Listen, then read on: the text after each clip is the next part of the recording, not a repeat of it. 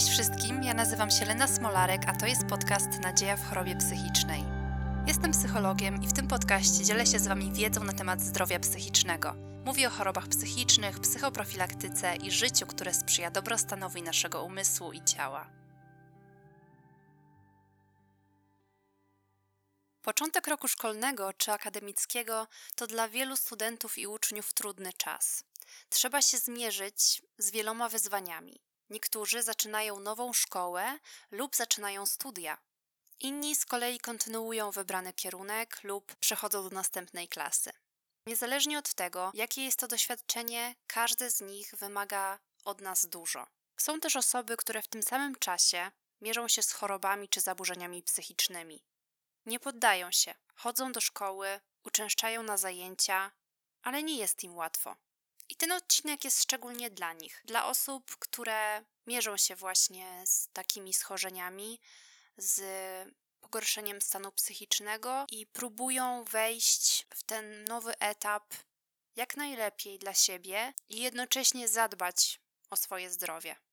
Dlatego mam dla Was 10 uniwersalnych sposobów na zadbanie o swoje zdrowie psychiczne, zarówno w szkole, jak i na uczelni. Mam nadzieję, że te wskazówki okażą się dla Was przydatne, że będziecie do nich sięgać, na przykład kiedy będzie Wam wyjątkowo trudno lub będziecie potrzebowali dawki inspiracji. Zanim zacznę, przypomnę jeszcze, że dzisiejszy odcinek powstał z okazji 10 października, czyli Światowego Dnia Zdrowia Psychicznego. Jest to ważny dzień, bo przypomina o wyjątkowo istotnej sprawie. Jednak pamiętajcie, że Wasz Dzień Zdrowia Psychicznego jest codziennie i każdego dnia warto o nie dbać. Sposób pierwszy. Ceń wyżej proces nauki i wiedzę, jaką zyskasz, niż oceny. Nie chcę mówić za wszystkich, ale wydaje mi się, że wielu z nas wpada w taką pułapkę determinowania tego, jakim jestem uczniem czy studentem, przez to, jakie mam oceny. Nie jest to prawda i bardzo często wpadając w taki sposób myślenia, tracimy sens tego, co robimy.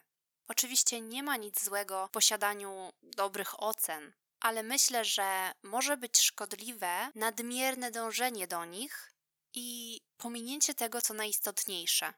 Mówię o tym, bo sama wielokrotnie uczyłam się dla ocen. I zdarzały się takie przebłyski, szczególnie mówię teraz tutaj o okresie szkoły, szkoły średniej, gimnazjum, kiedy przypominałam sobie, zaraz, to jest ciekawe, to mnie interesuje, ja nie muszę dostać z tego cudownej oceny, najlepszej, żeby czuć się usatysfakcjonowana.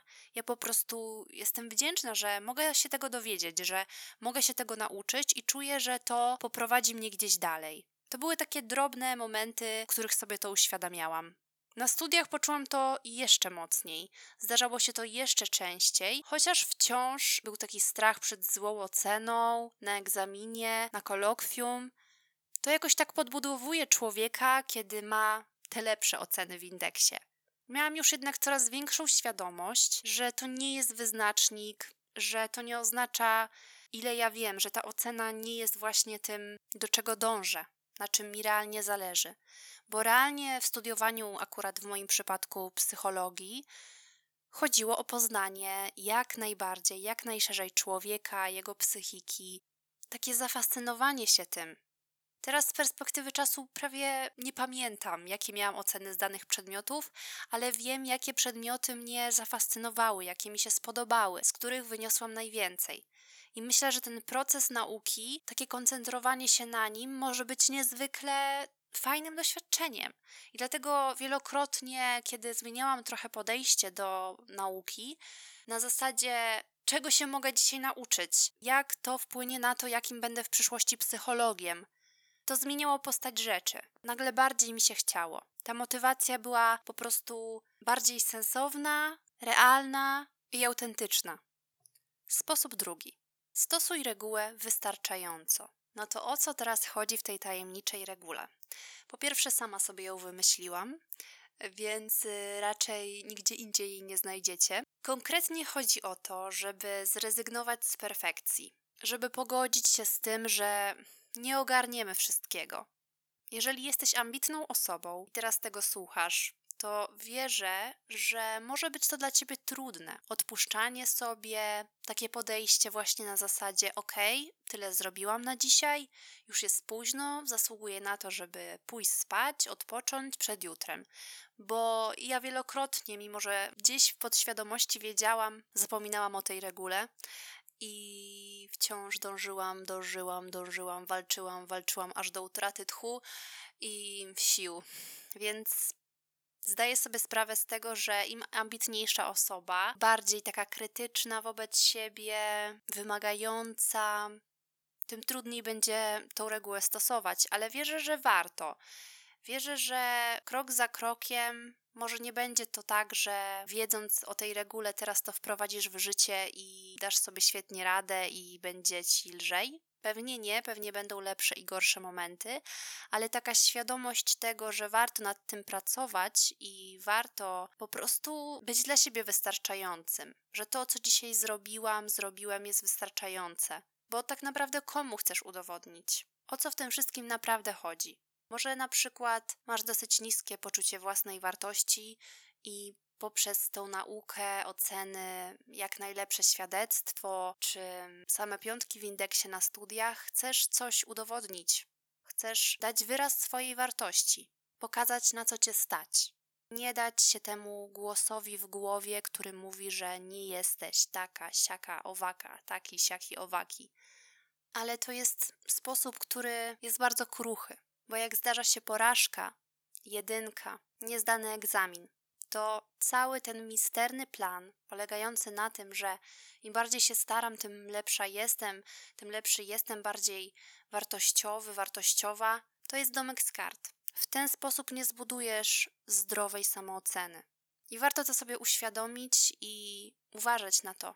Pamiętać, że to, kim jestem, nie opiera się na tym, jak sobie radzę w szkole czy na studiach. Jestem znacznie więcej. Nie wiem, czy to dobrze zabrzmiało, ale tak, jesteś znacznie więcej. Ja jestem znacznie więcej. Sposób trzeci. Zadbaj o sieć wsparcia. Jeżeli masz taką możliwość, masz oparcie w rodzinie, to rozmawiaj z nimi, bądź z nimi, spędzaj z nimi czas.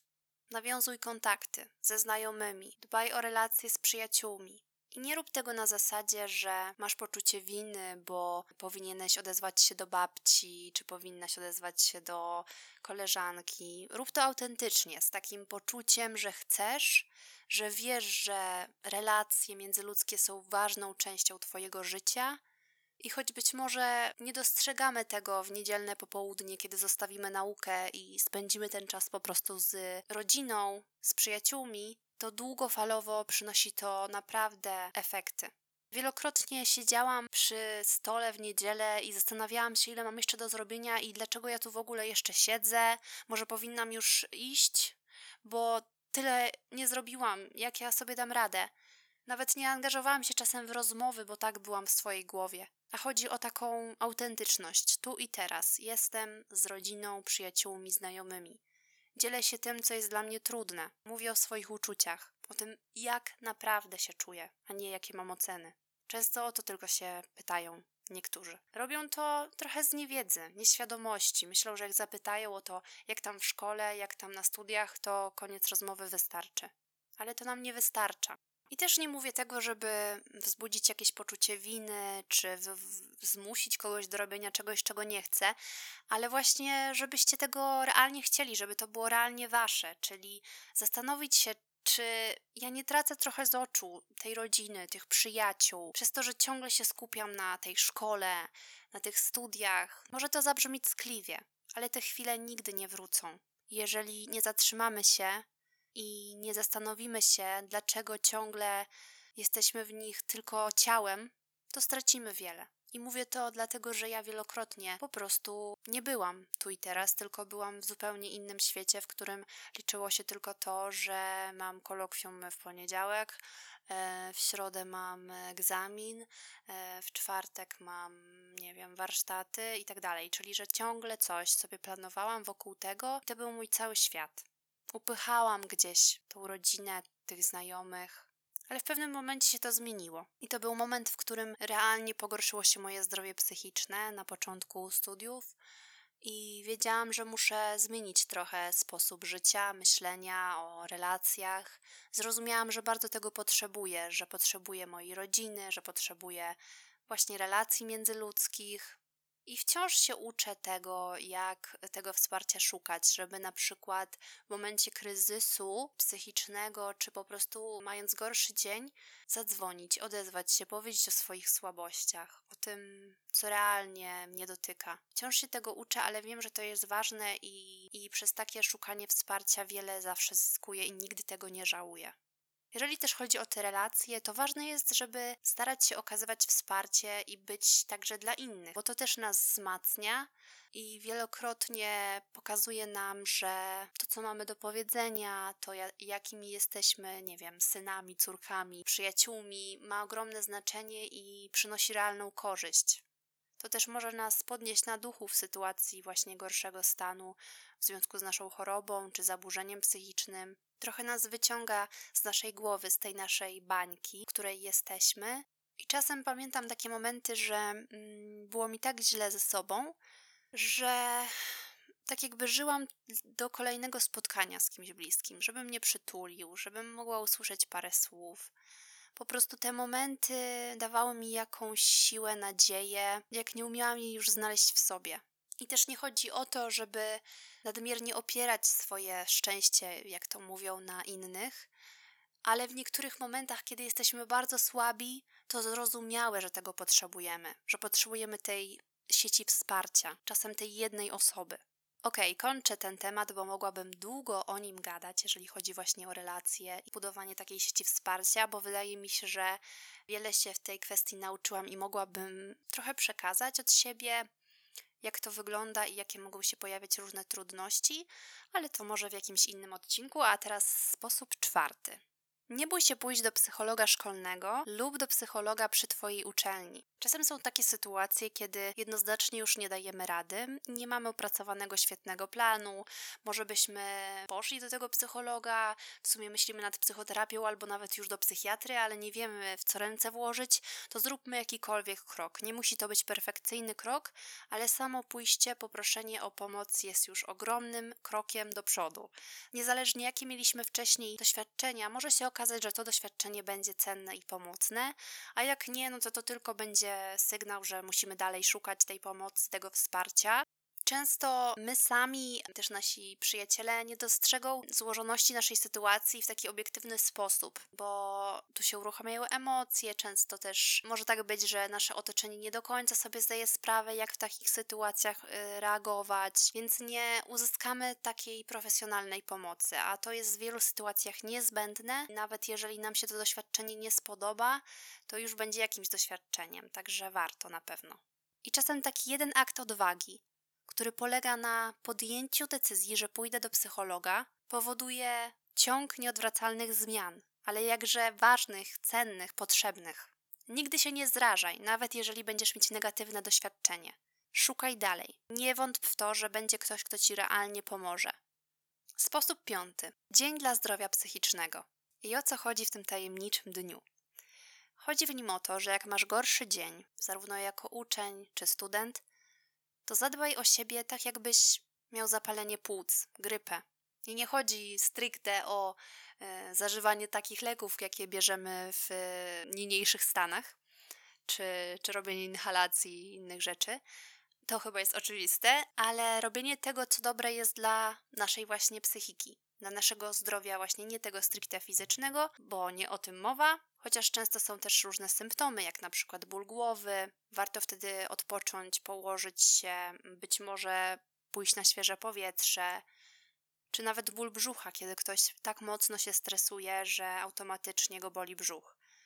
Są też te symptomy fizyczne, ale tutaj mówimy głównie o takim psychicznym podejściu, więc co można zrobić dla siebie w taki dzień? Tak naprawdę to, czego potrzebujesz. Wyspanie się, nieoczekiwanie od siebie nie wiadomo czego pobycie sam ze sobą, pobycie z kimś bliskim, może nawet porobienie tego, co się robi, kiedy się ma jakąś taką fizyczną e, dolegliwość. Pooglądanie jakiegoś serialu, poczytanie książki, danie sobie czas na regenerację. Często taki jeden dzień pomaga bardzo. Sprawia, że mamy chociaż odrobinę więcej siły. to, że sobie go dajemy, pokazuje, że chcemy o siebie dbać, że mamy świadomość, jak istotne jest zdrowie psychiczne, że jest tak samo ważne jak zdrowie fizyczne, że jedno nie istnieje bez drugiego, że możesz sobie dać dzień wolny od szkoły czy od uczelni, bo na przykład zmagasz się z depresją, z zaburzeniem psychicznym lub jesteś w kryzysie. Nie bój się po prostu zrobić tego dla siebie. Nie musisz się tłumaczyć. Masz do tego prawo. Sposób szósty. Pamiętaj o potrzebach swojego organizmu i ich nie bagatelizuj. Nie chcę Was pouczać, ale chcę Was ostrzec, że zaniedbanie swojego snu, tego co jemy, w ogóle jedzenia, już nie mówmy tak stricte, że, że, że coś konkretnego, ale w ogóle, żeby jeść, bo często e, kiedy zmagamy się z trudnymi rzeczami psychicznie, to nie jemy, co jest bardzo niebezpieczne po prostu. Nawadnianie, ruch na świeżym powietrzu, odpoczynek, regeneracja, kiedy jest to konieczne. Po prostu takie mocno podstawowe fizjologiczne potrzeby, o których często w biegu dnia zapominamy po prostu. I nie mówię tu za wszystkich, też nie chcę, żeby to tak zabrzmiało, ale to się zdarza. A ciężko będzie zapewnić sobie taką stabilizację, dobre samopoczucie psychiczne, jeżeli nie zadbamy o takie podstawowe fizjologiczne potrzeby, o to, czego potrzebuje nasze ciało czy właśnie snu, czy odpoczynku, czy ruchu, jedzenia, nawodnienia. No po prostu spełnianie tych potrzeb jest kluczowe i nie jest jakimś mm, wymysłem, tylko czymś, co realnie daje nam po prostu siłę do każdego dnia, do przeżycia każdego dnia. Sposób siódmy. Znajdź czas na zabawę i przyjemność. I tutaj dla niektórych może to być dosyć nowy koncept, szczególnie jeżeli przez długi czas skupiali się tylko na nauce pracy i ogarnianiu swojego życia, robieniu przydatnych rzeczy i ważnych. To ta zabawa i przyjemność gdzieś tam w procesie życia przestała mieć znaczenie. Tak się zdarza i mówię to też z własnego doświadczenia, bo trochę się też pod tym kątem zagubiłam i zapomniałam o tym, a wiem, że nawet chwilę oderwanie się, pół godziny, godzina czy weekend, w którym pozwalam sobie na robienie tego, co lubię, co sprawia mi radość, co jest zabawą, ogromnie dużo daje i, i przypomina mi, że życie nie jest tylko po to, żeby coś robić, coś konstruktywnego, coś ważnego, coś przydatnego, że można robić rzeczy po prostu od tak, bo chcemy, bo lubimy. I powiem więcej. Uważam, że jest to jedna z tych rzeczy, która może diametralnie poprawić nasze samopoczucie i włączenie tego w swoje życie, pamiętanie o tym, żeby coś zrobić dla zabawy, dla przyjemności, może dać naszemu organizmowi, naszej psychice, umysłowi po prostu trochę spokoju, przestrzeni, wolności, bo często jesteśmy tacy spięci, tacy ciągle na radarze, na zasadzie to trzeba zrobić, to trzeba zrobić, to poprawić, mm, ten sprawdzian, ta kartkówka, y, to kolokwium, y, tego nie doczytałem, tego nie zrobiłam i tak dalej a w tym wszystkim nie, nie poświęcamy w ogóle czasu właśnie na robienie czegoś, no nie wiem, bez większego sensu, ale z tym sensem, że nam to sprawia radość. A właśnie robienie tych rzeczy sprawia, że nasz mózg może przejść na trochę inne fale, tak zwane, że inne części mózgu mogą zacząć działać, które są też potrzebne i ważne, a te, które były długo nadużywane, mogą odpocząć. Więc jeżeli nie motywuje Was po prostu to, że mm, warto, to niech Was zmotywuje to, że Wasz mózg będzie się właśnie lepiej uczył i lepiej funkcjonował, jeżeli będzie miał też czas na po prostu pobawienie się, tak? Spędzenie czasu na czystej radości i czystej przyjemności. Bo my często wchodzimy już w takie powiedzmy dorosłe życie, tak zwane, w sensie im bardziej wchodzimy w dalsze etapy nauki, to stajemy się tacy poważniejsi, tak więcej musimy osiągać, robić, że zatracamy tą taką dziecięcą potrzebę zabawy, a ona ciągle w nas jest i ciągle pełni ważną rolę.